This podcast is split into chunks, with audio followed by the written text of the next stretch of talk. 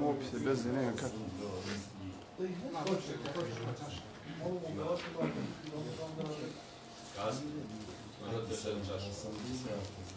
أعوذ بالله من الشيطان الرجيم. بسم الله الرحمن الرحيم. الحمد لله رب العالمين والصلاة والسلام على أشرف الأنبياء والمرسلين نبينا محمد وعلى آله وصحبه أجمعين. ثم أما بعد. Svaka zahvala pripada Allahu subhanahu wa ta'ala, njega slavimo, njega veličamo, od njega pomoć subhanahu wa ta'ala tražimo. Njemu se utječujemo od zla naših duša i naših loših dijela. Neka je salavat i selam na njegovog posljednjeg poslanika, njegovog miljenika Muhameda sallallahu alihi wa sallam, njegovu časnu porodcu, sve njegove ashabe i oni koji slijede njegov put do sudnjega dana. A zatim, hvala Allahu subhanahu wa ta'ala što nas je učinio od pripravnika umeta Muhammeda sallallahu alihi wa sallam.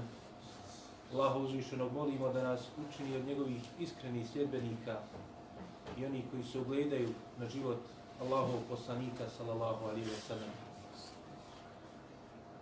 Kao što smo vidjeli, Allahov poslanik Muhammed sallallahu alaihi wa sallam svoje poslanstvo je počeo i početak naredbe da poziva druge ljude Allahu subhanahu wa ta'ala vjeru bila je sa prvim ajetima sure Mudesir.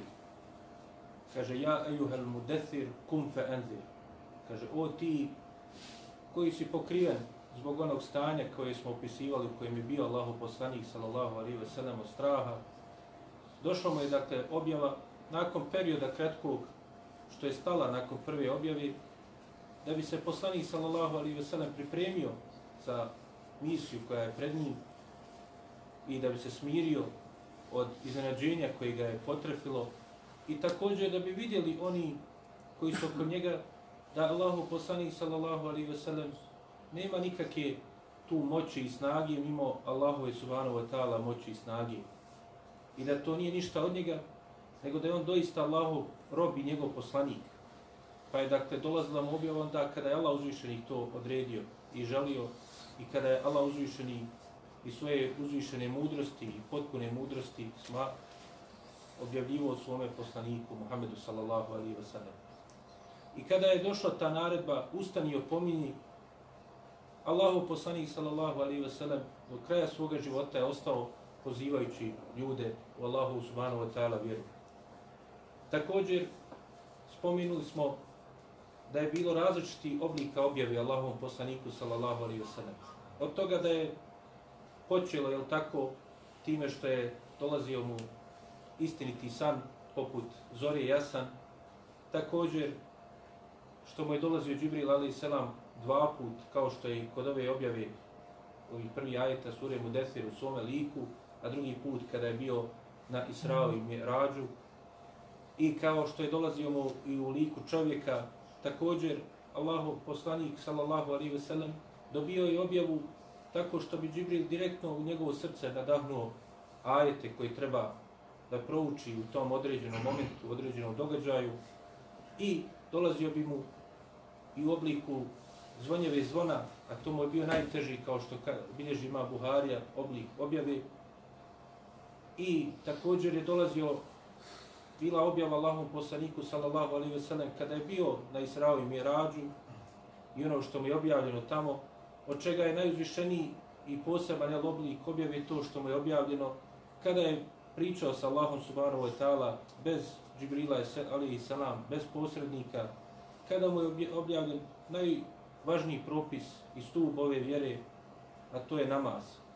Svi ovi oblici objave imaju svoju mudrost, jer da vide ljudi također kako Allahu poslanik sallallahu alaihi ve sellem nema nikakve moći i da je on samo Allahov robi njegov poslanik kojim je dolazila objava kada je Allah uzvišen i to određivao.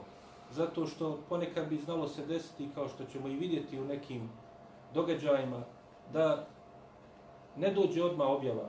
Također nekada je bilo potreba da u istom momentu odgovori, pa bi dolazio jel, Džibril odmah na srce mu spuštao objavu, a nekada bi bilo potrebno i da ljudi vide koliko je žestina te objave, kao što je taj najteži oblik objave i da je doista to spuštanje od Allaha subhanahu wa ta'ala objave preko svoga poslanika Džibrila, svome poslaniku Muhammedu sallallahu alaihi wa sallam.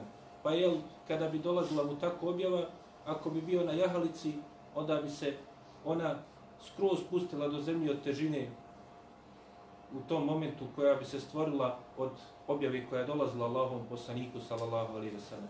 Pa je u tome jel, velika mudrost da ljudi vide kako mi je bio stanje Allahu poslanik sallallahu alaihi ve sellem, Kako bi ga oblio znoj, hladan znoj u vrućem danu i tome slično. Ili kako bi kada je sjedio sa Zaidovim sabitom koji je bio prislonio na njegova bedra, svoja bedra, pa kaže, mislio sam da će mi polomiti kada mu je počela silaziti objava od žestine i njegove težine koja me pritisla u tom momentu.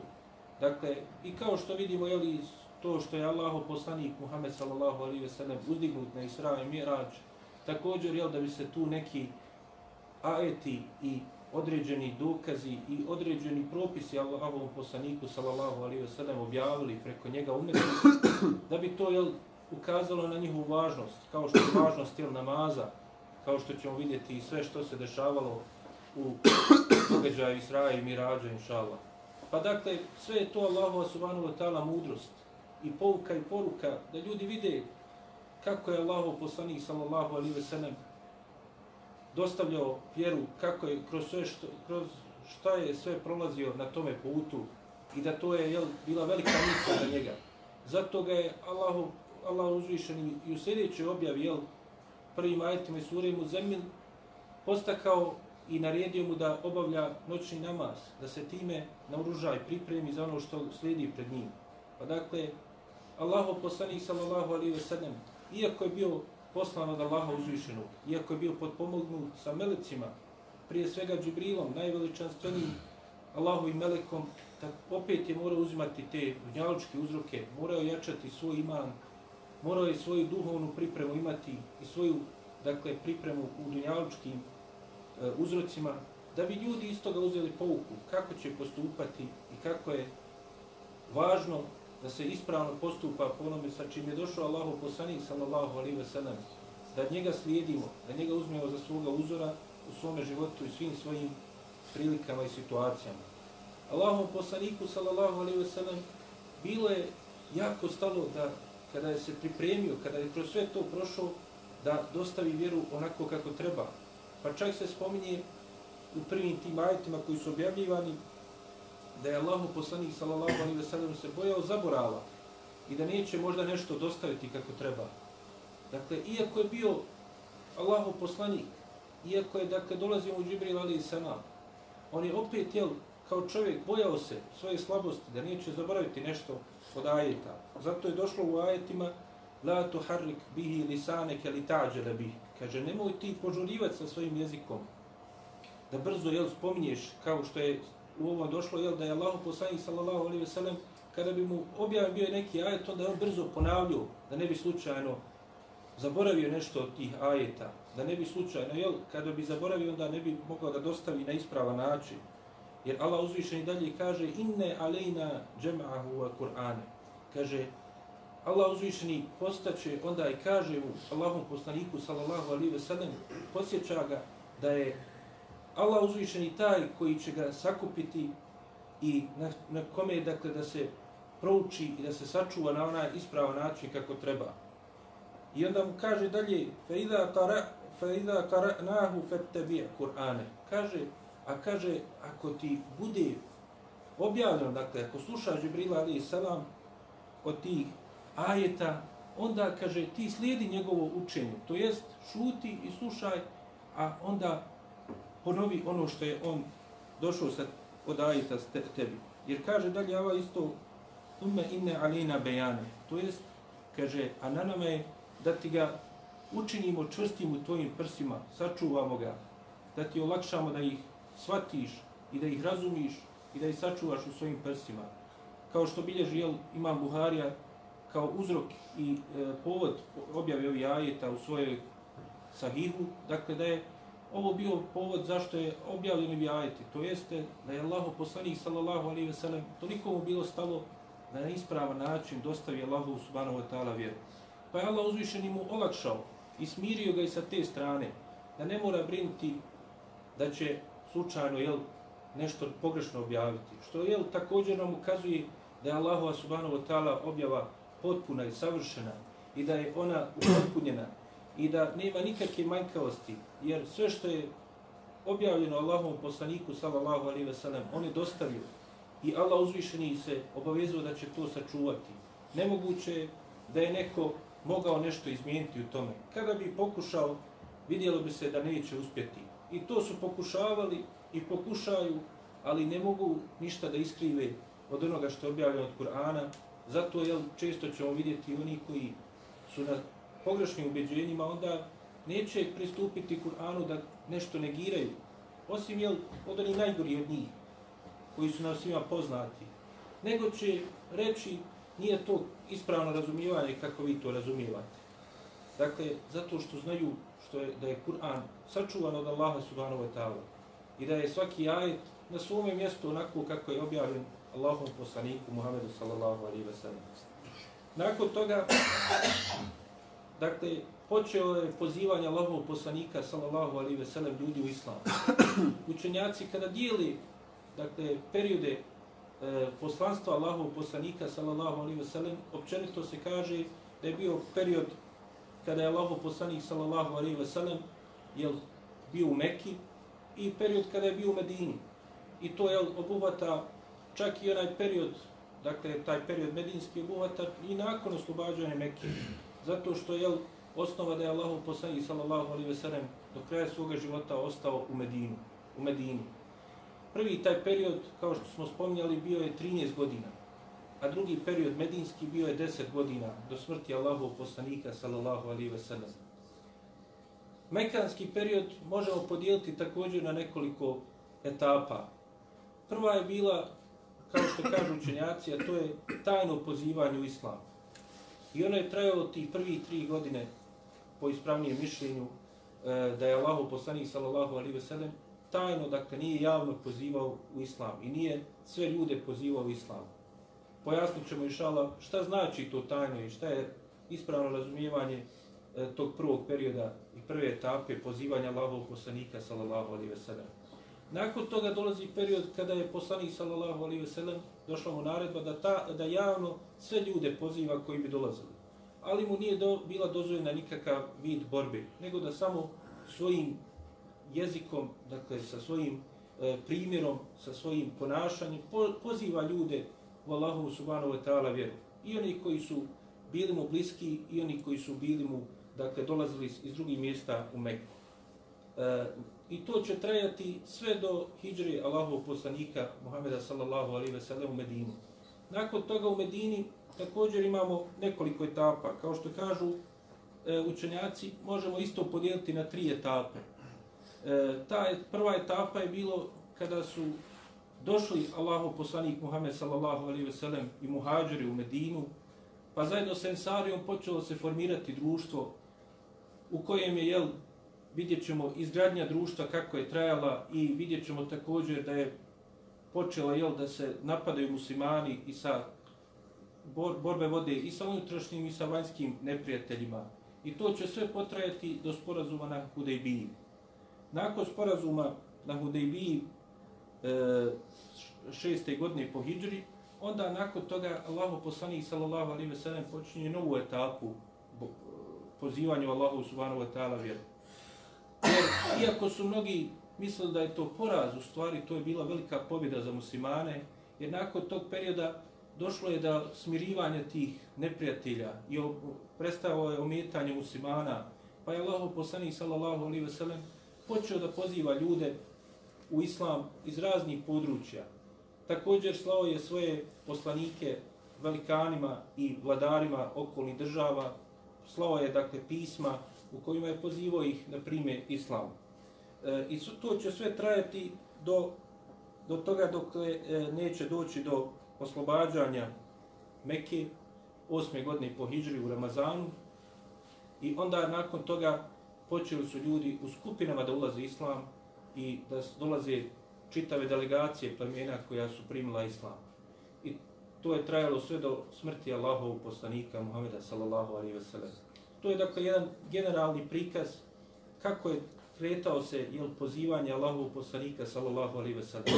I to je još jedan od načina da se približi to da su Allahu, da je Allahov poslanik sallallahu alaihi ve sellem i da njegov umet općenito treba postepeno da pristupa stvarima. Kao što smo vidjeli i objava je postepeno dolazila.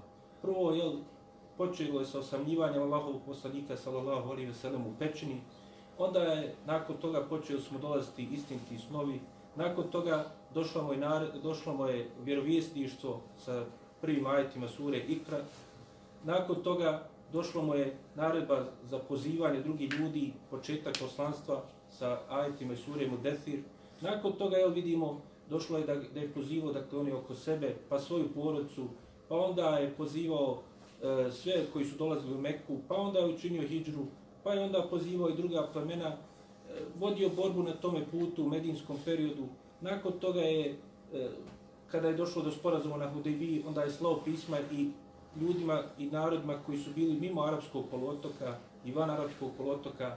I tako sve do kraja svoga života, kao što smo rekli, nakon što mu je došla naredba kum fe endir, Allahu poslanik sallallahu alaihi ve sellem je baš bio takav. Usto je i pozivao. I kao što smo spominjali, ti prvi ajeti ukazuju da je osnova tog poziva Allahovog poslanika, sallallahu alaihi ve sellem, bila pozivanje u tevhid. I da je to bila mu naredba. naredba.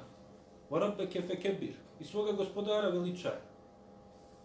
Dakle, da se poziva u tevhid, da se slavi Allah subhanahu wa ta'ala, kao što kaže s ovim ajetu, svoga gospodara veličaj, To je s čime? Veličaj ga tevhidem.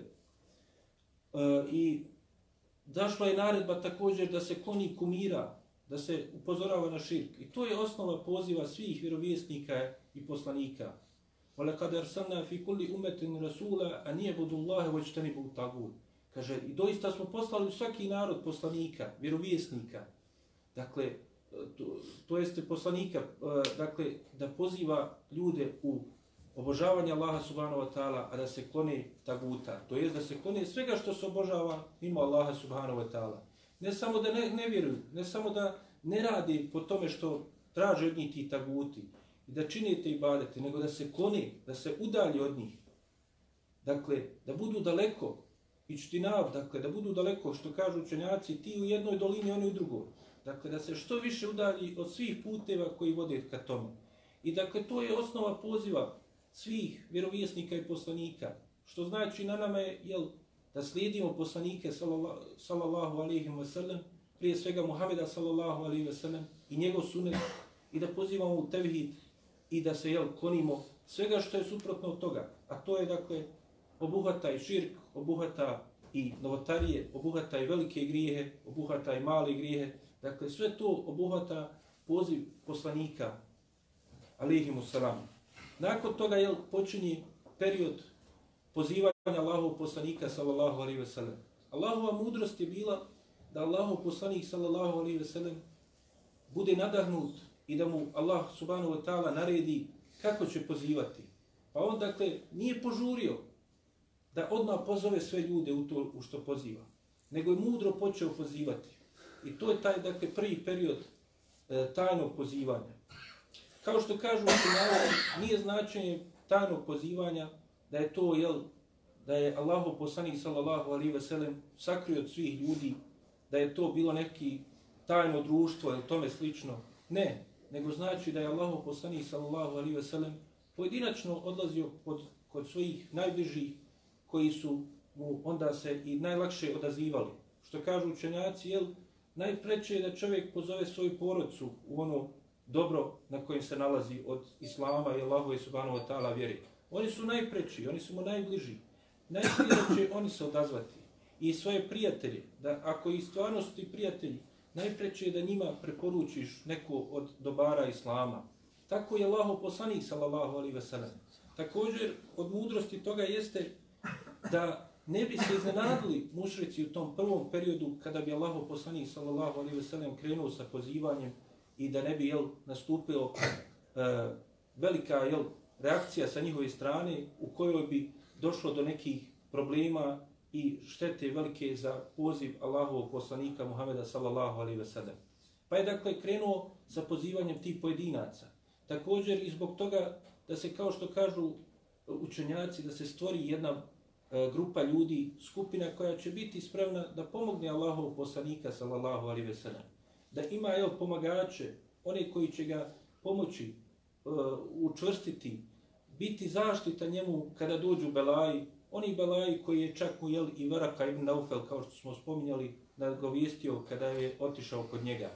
Pa dakle, tada se počela stvarati jedna baš takva skupina. I to su bili jel, najodabrani ljudi. Kao što kažu također iz ovoga učenjaci izvlače kao pouku da čovjek kada poziva u nešto, kada poziva u neku od dobara islama, da postepeno ljude poziva u to. Jedan od učenjaka to objašnjavajući kaže, to vam je, kaže, poput čovjeka koji e, hoće da odloži vatru. Pa je dakle vatra gorila i onda je jel, se stvorio onaj pepeo, ostalo je vrlo malo oni žarulja unutar onog drveta ili onog uglja koje, se, koje je gorilo i prekriveno je su te žarulje sa pepelom. I čovjek kaže koji pokuša dakle da samo puhne, da tu na brzinu nađe, požuri jel da to što prije izvuče te žarulje, vjerovatno će ih izgubiti, neće ih naći, a još će ga jel i ona prašina i onaj pepeo da će prekriće ga. A kaže, onaj koji je pametan, onaj koji polako pristupa, on će polako prvo da ukloni jel, taj prvi sloj, pa će lakše da nađe te žarulje i onda da obnovi vatru i da je ponovo odloži. Tako kaže i daja, čovjek koji poziva Allahu subhanahu wa ta'ala vjeru, kada postepeno pristupa nekoj osobi, kada polako ga uvodi u neki, neko dobro, dakle, pojašnjavamo na način na koji će on to najlakše prihvatiti, onda prije da će imati ispravne rezultate. Kao što nam je uzor je Allahu poslanik sallallahu alihi wasallam, koji je dakle jel, zbog toga krenuo da poziva te pojedince. I dakle kao što kažu, nije ovo dokaz nikome ko tvrdi da je dozvoljeno u ime Islama stvarati neka tajna društva, tajne organizacije, koje će jel, da pravi čak i pod parolom nekog dobra, da na takav način pozivaju u Islam i Allahu subhanahu wa ta'ala vjeru. Ali je dokaz za oni koji se nađu u nekim društvima, kao što nažalost vidimo i danas da ima takvih društava, gdje ljudi moraju se kriti da su uopšte muslimani. Dakle, da imaju pravo da, ako im je to, da bi sačuvali sebe i svoju vjeru, dozvoljeno je dakle, da se prikriju, da se sakriju. Kao što je to poznato, posebno u periodu kada je komunizam u islamskom svijetu gdje je zavladao, pokušavao da zatre klice islama, spominje se da su nekim narodima čak ljudi kopali dakle, kao robove, kao grobove u kojima se sakrivali da bi naučili kako da klanjaju svoju djecu. Dakle, nažalost, to su iskušenja kojim Allah subhanahu wa ta'ala, kao što ćemo vidjeti, stavljao i neki od ashaba da su morali kriti svoju vjeru. Ali oni koji su ustrajali, oni koji opstanu i budu postajani na Allahovu subhanahu wa ta'ala vjeri, Allah će im subhanahu wa ta'ala dati glas, kao što je dao i ashabima. Nakon toga treba reći ko su te osobe koji su prvi primili islam, ko su ta, to najodabranije društvo koje je činilo e, grupu ljudi koji će stati uz Allahov poslanika sallallahu alaihi wa sallam. Ko su oni koji su prvi se odazvali pozivu Muhameda sallallahu alaihi wa sallam. Prva osoba koja mu se odazvala jeste bila žena. Dakle, nije bio muškarac, nego je bila žena, a to je njegova supruga Hatidža radijallahu anha. I ona je po općenitom, dakle, E, prva osoba koja je primila islam. Dakle, po slaganju svih učenjaka, dakle, ona je prva ta koja je primila islam. Hatidža, majka, vjernika, čerka Huwailida, prva supruga Allahov poslanika Muhameda sallallahu alaihi ve sellem, jedna od najdobranijih žena u istoriji čovečanstva i jedna od najboljih žena, po čak po jednom mišljenju i najbolja žena, jer postoji razilaženje među učenjaka, da li je ona vrijednija ili Aisha radijallahu anha, kao što kaže Ibn Taymije, jedna i druga imaju svoje vrijednosti, jedna je vrijednija sa jedne strane, a druga sa druge, jer je Hatidža radijallahu anha od vrijednosti koje se spominju po pitanju ne, da je Allahom poslaniku sallallahu alaihi ve sellem došao Džibril i rekao da prenese joj selam od Allaha subhanahu wa ta'ala i od Džibrila. Dakle, može li biti veća vrijednost od toga? Allah subhanahu wa ta'ala je poslao selam njoj i rekao da je obavijesti i obraduje da joj pripada kuća u džennetu, kao što bilježe Buharija i Muslim. Također, Allahov poslanik sallallahu alaihi ve sellem nije se ženio sa drugim suprugama svojim sve dok nije preselila Hatidža radijallahu anha. I kaže Aisha radijallahu anha, jedina žena, odnosno žena koja je od Allahovih poslanika, Allahov poslanika Muhammeda sallallahu alaihi ve sellem, e, njegovih supruga, najviše zavidila Hatidži radijallahu anha. Zato što je Allahov poslanik sallallahu alaihi ve sellem uvijek i do kraja svoga života spominjao Hatidžu radijallahu anha. Jer su velike vrijednosti ove supruge Allahov poslanika sallallahu alaihi ve sellem. Velika uloga koju ona odigrala u životu Allahov poslanika Muhameda sallallahu alaihi ve sellem. I pokazuje jel, jedan ispravan odnos i koji žena treba imati prema svome suprugu i općenito prema Allahovoj vjeri i kako je mjesto zauzima u islamu žena također jedno ispravan pogled i pravidan pogled koji islam nudi u tom pogledu. Jer Hatidža radijallahu anha dakle, je prva koja se odazvala Allahom poslaniku sallallahu alaihi ve sellem. Također Hatidža radijallahu anha je prva koja je pomogla Allahov poslanika sallallahu alaihi ve sellem. Prije svih, ona je bila ta prva koja će pomoći Allahov poslanika. I ona će ga smiriti kao što smo vidjeli u onim momentima kada mu je dolazila prve objave. I ne samo to, nego ona ga još odvela i kod Vereke ibn Naufela, da mu i on e, pomogne. Dakle, to su velike mudrosti i, koju je pokazala ova plemenita žena. I najbolja žena koja bi mogla pomoći u tom momentu Allahom poslaniku, sallallahu alaihi ve sellem, pokazala se da je ona dostojna toga, Hatidža radijallahu anha. I onda također, kao što kažu učenjaci, kada govorimo u kontekstu jel, uloge žena u islamu, treba također i reći da prva žena koja će preseliti na Allahovom putu je bila opet žena, dakle nije bio muškarac. Sumeja, majka Jasirova, je prva koja je ubijena radi Allahove subhanahu wa ta'ala vjeri. Prvi šehid u islamu je bila opet žena. Kao što kažu učenjaci, pa kaže šta je onda ostalo muškarcima nakon toga.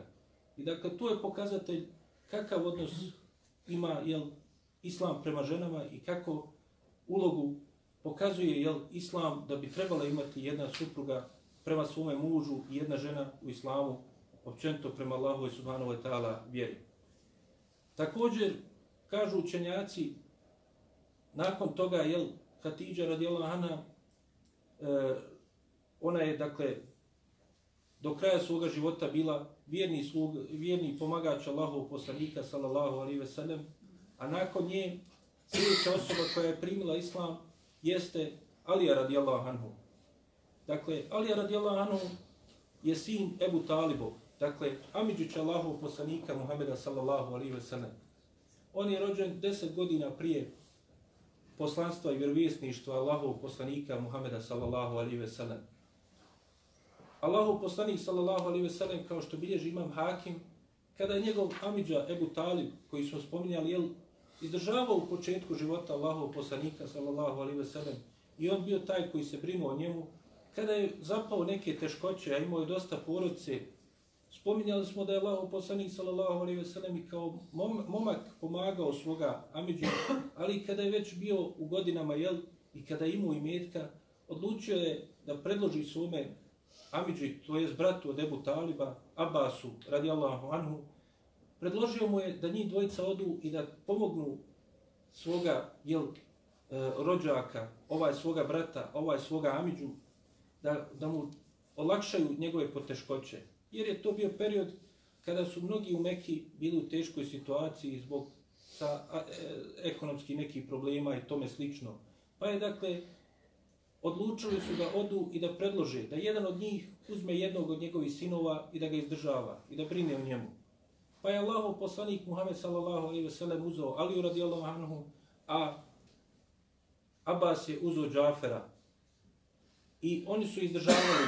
Pa je Ali radijallahu anhu bio počašćen da je on ostao do perioda kada će Allahom poslaniku sallallahu alejhi ve sellem silaziti objava, a on biti poput njegovog sina živjeti u njegovoj kući.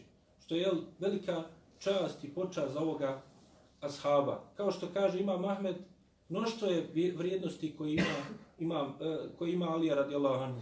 I kaže, kada bi brojali, kaže, teško da možemo naći nekoga ko ima toliko vrijednosti koje su spomenute i fadileta, kako ima Alija radijallahu anhu. I mnoštvo je toga, kao što smo jednom prilikom već i govorili o životu su četvrce pravednih halifa, tih najboljih Allahovih robova i najboljih ljudi nakon vjerovjesnika i poslanika. I doista su oni svaki za sebe institucija po dobru koji su činili. I za života Allahovog poslanika, sallallahu alaihi ve sellem, a i nakon što je on preselio sve do svoje smrti. Ali je radijallahu anhu preselit će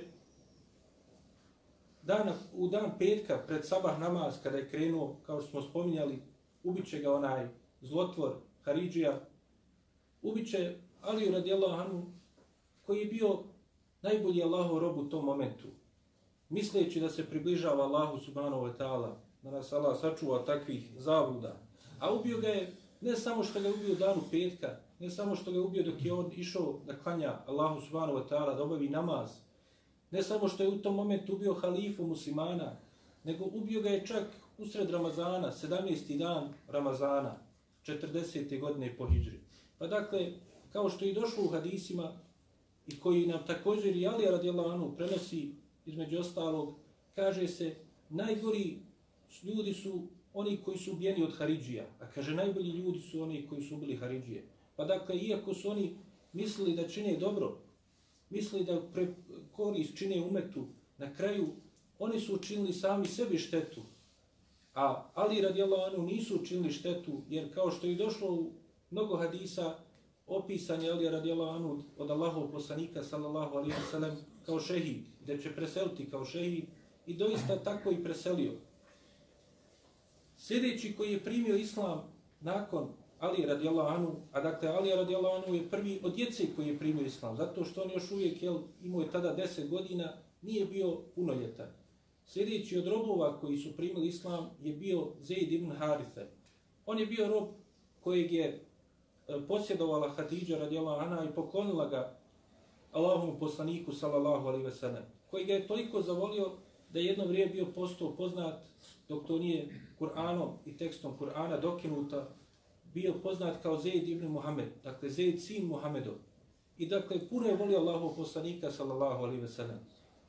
Čak jednom momentu kada je, kao što bilježi imam Tirmizi, došao jedan od njegovih jamiđa, došao po njega da ga vodi i vrati u njegovo pleme, pleme, pleme e, Benu Kelb, on je odbio to i ostao i izabrao da ostane sa Allahom i poslanikom, sallallahu alaihi ve sellem.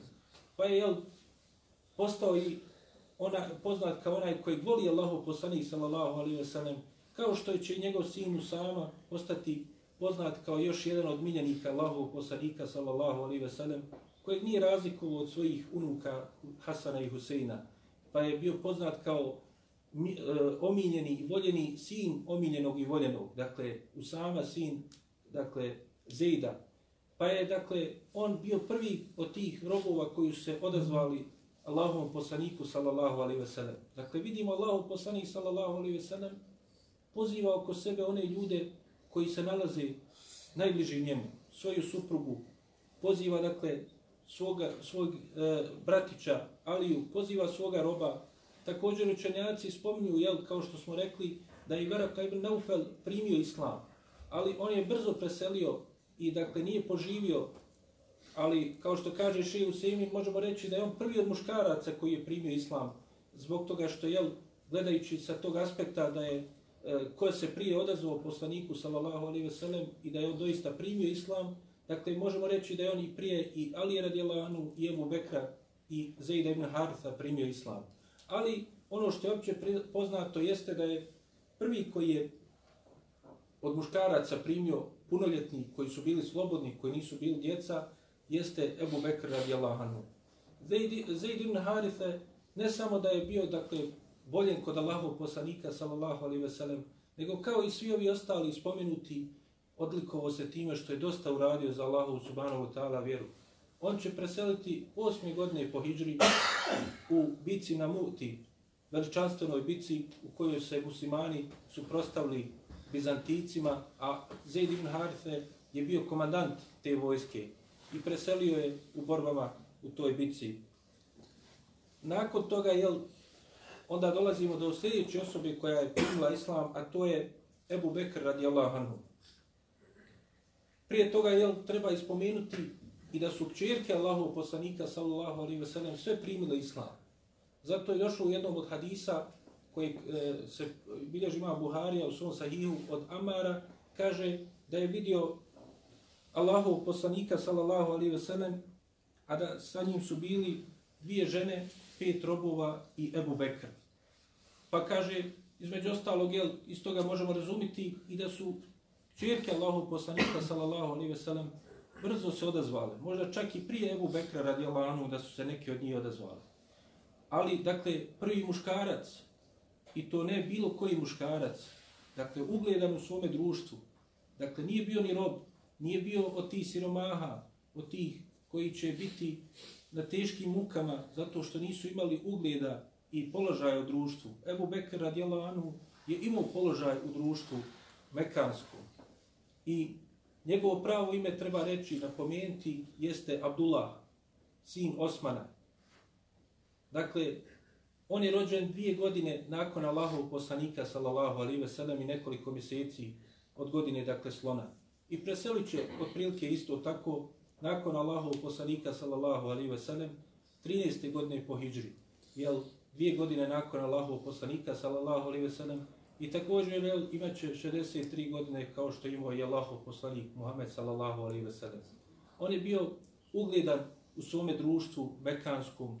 Bio je, dakle, jedan od ljudi koji su bili poznati i poznanju, poznavao je najbolje porijeklo plemena e, i rodoslovlje plemena Mekanski, Kurešija, također bio je od pismenih. To su sve odlike jel, ljudi koji su bili poznati po intelektu i po svome znanju i po ugledu. Također bio je uspješan trgovac i bio je poznat po svim onim osobinama kao im je bio poznat i Muhammed sallallahu alaihi ve sellem od toga da je korista bio u društvu, da je pomagao siromahe, da je olakšavao onima koji su bili slabi, da je uvijek bio poznat po iskrenom govoru, ispravnom, po povjerljivosti, a bio je, dakle, najbolji prijatelj najboljem čovjeku, dakle, Allahovom poslaniku Muhammedu sallallahu alaihi wa sallam. I on je, dakle, prvi koji se odazvao Muhammedu sallallahu alaihi wa sallam.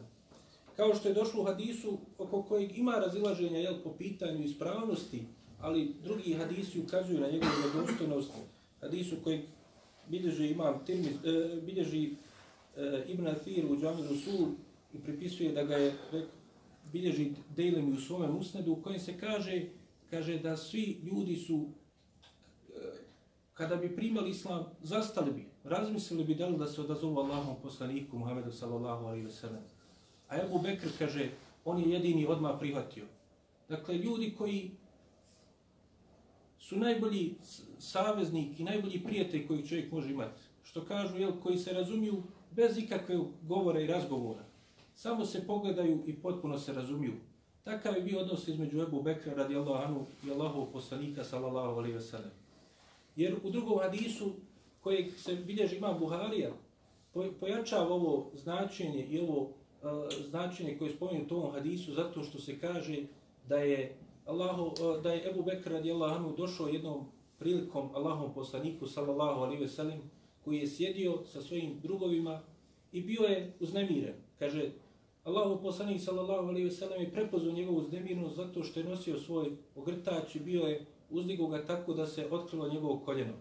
Pa je Allahu poslanik sallallahu alaihi wasallam rekao, kaže vaš prijatelj je nešto uznemiren.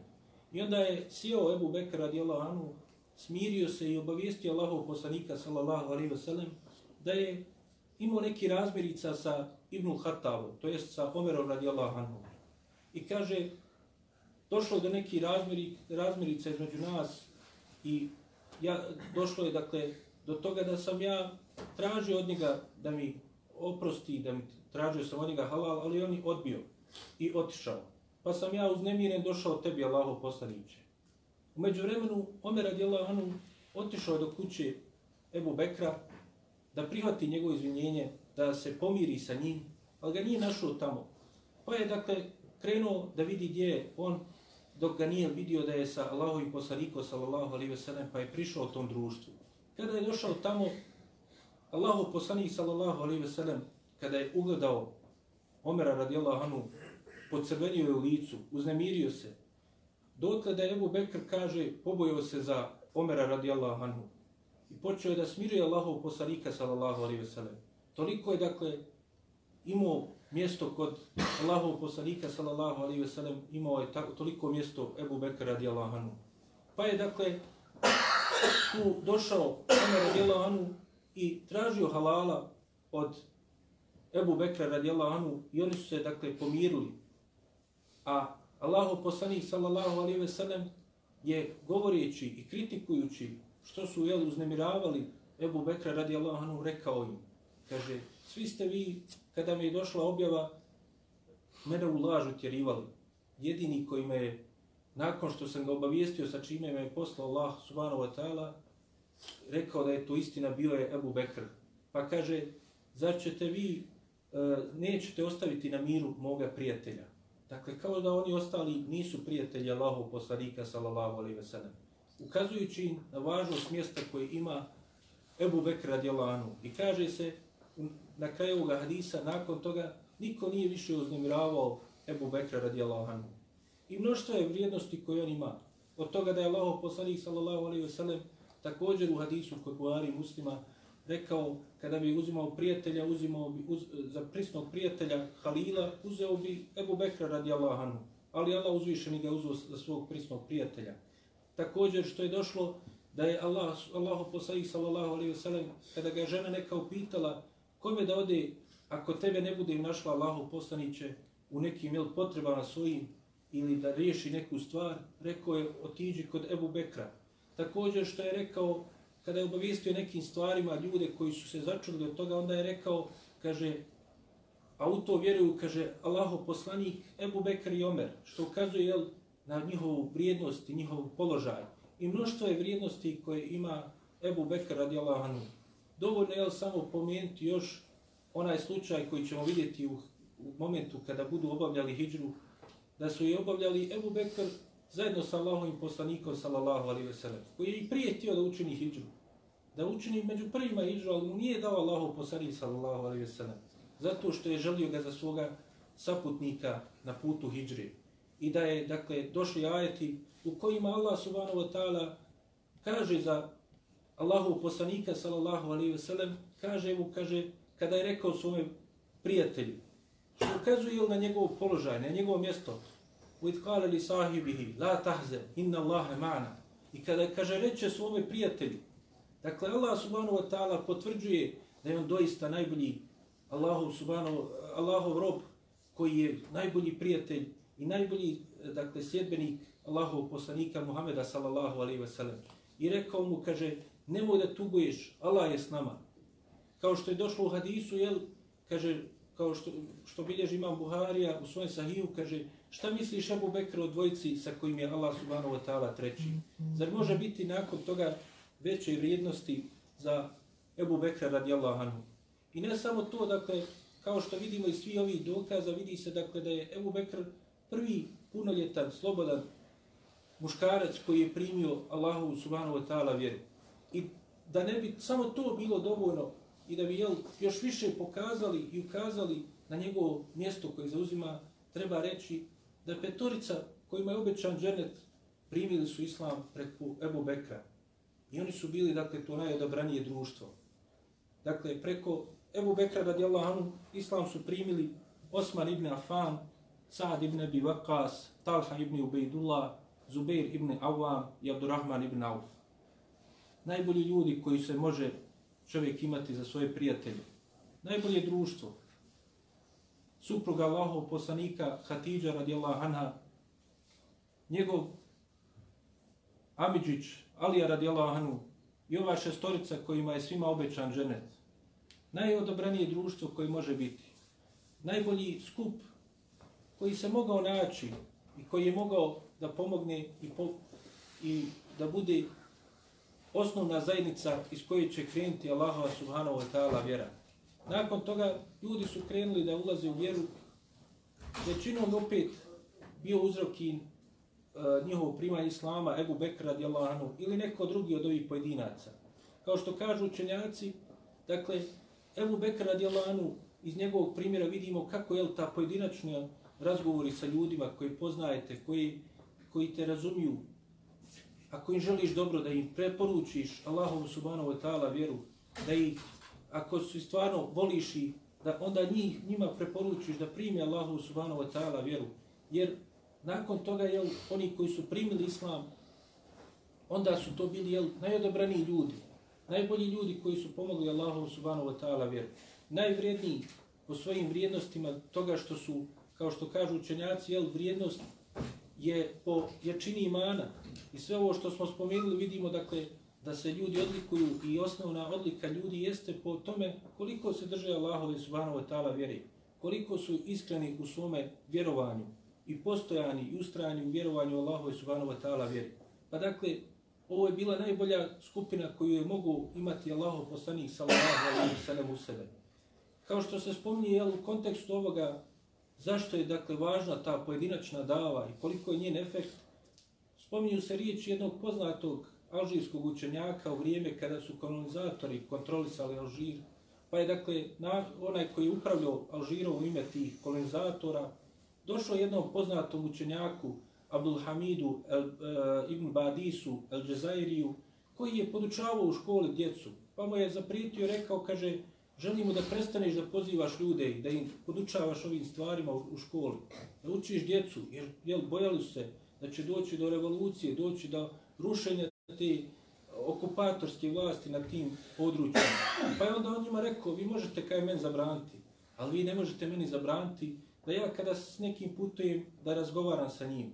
Kada neko sretne na pijaci da razgovaram i sa njim. Dakle, kada se osamim sa svojim prijateljima i da njima preporučim ovo dobro. Nego ti gledaj, kaže, da li ćeš biti od onih, kaže, koji će se boriti protiv Allaha i Subhanahu wa ta'ala vjere, ili ćeš biti od onih koji će pomoći Allahu Subhanahu wa ta'ala vjeru. Jer ti nećeš zaustaviti ovu Allahovu vjeru. Ti, dakle, možeš samo sebi naštetiti. Pa tako i bilo.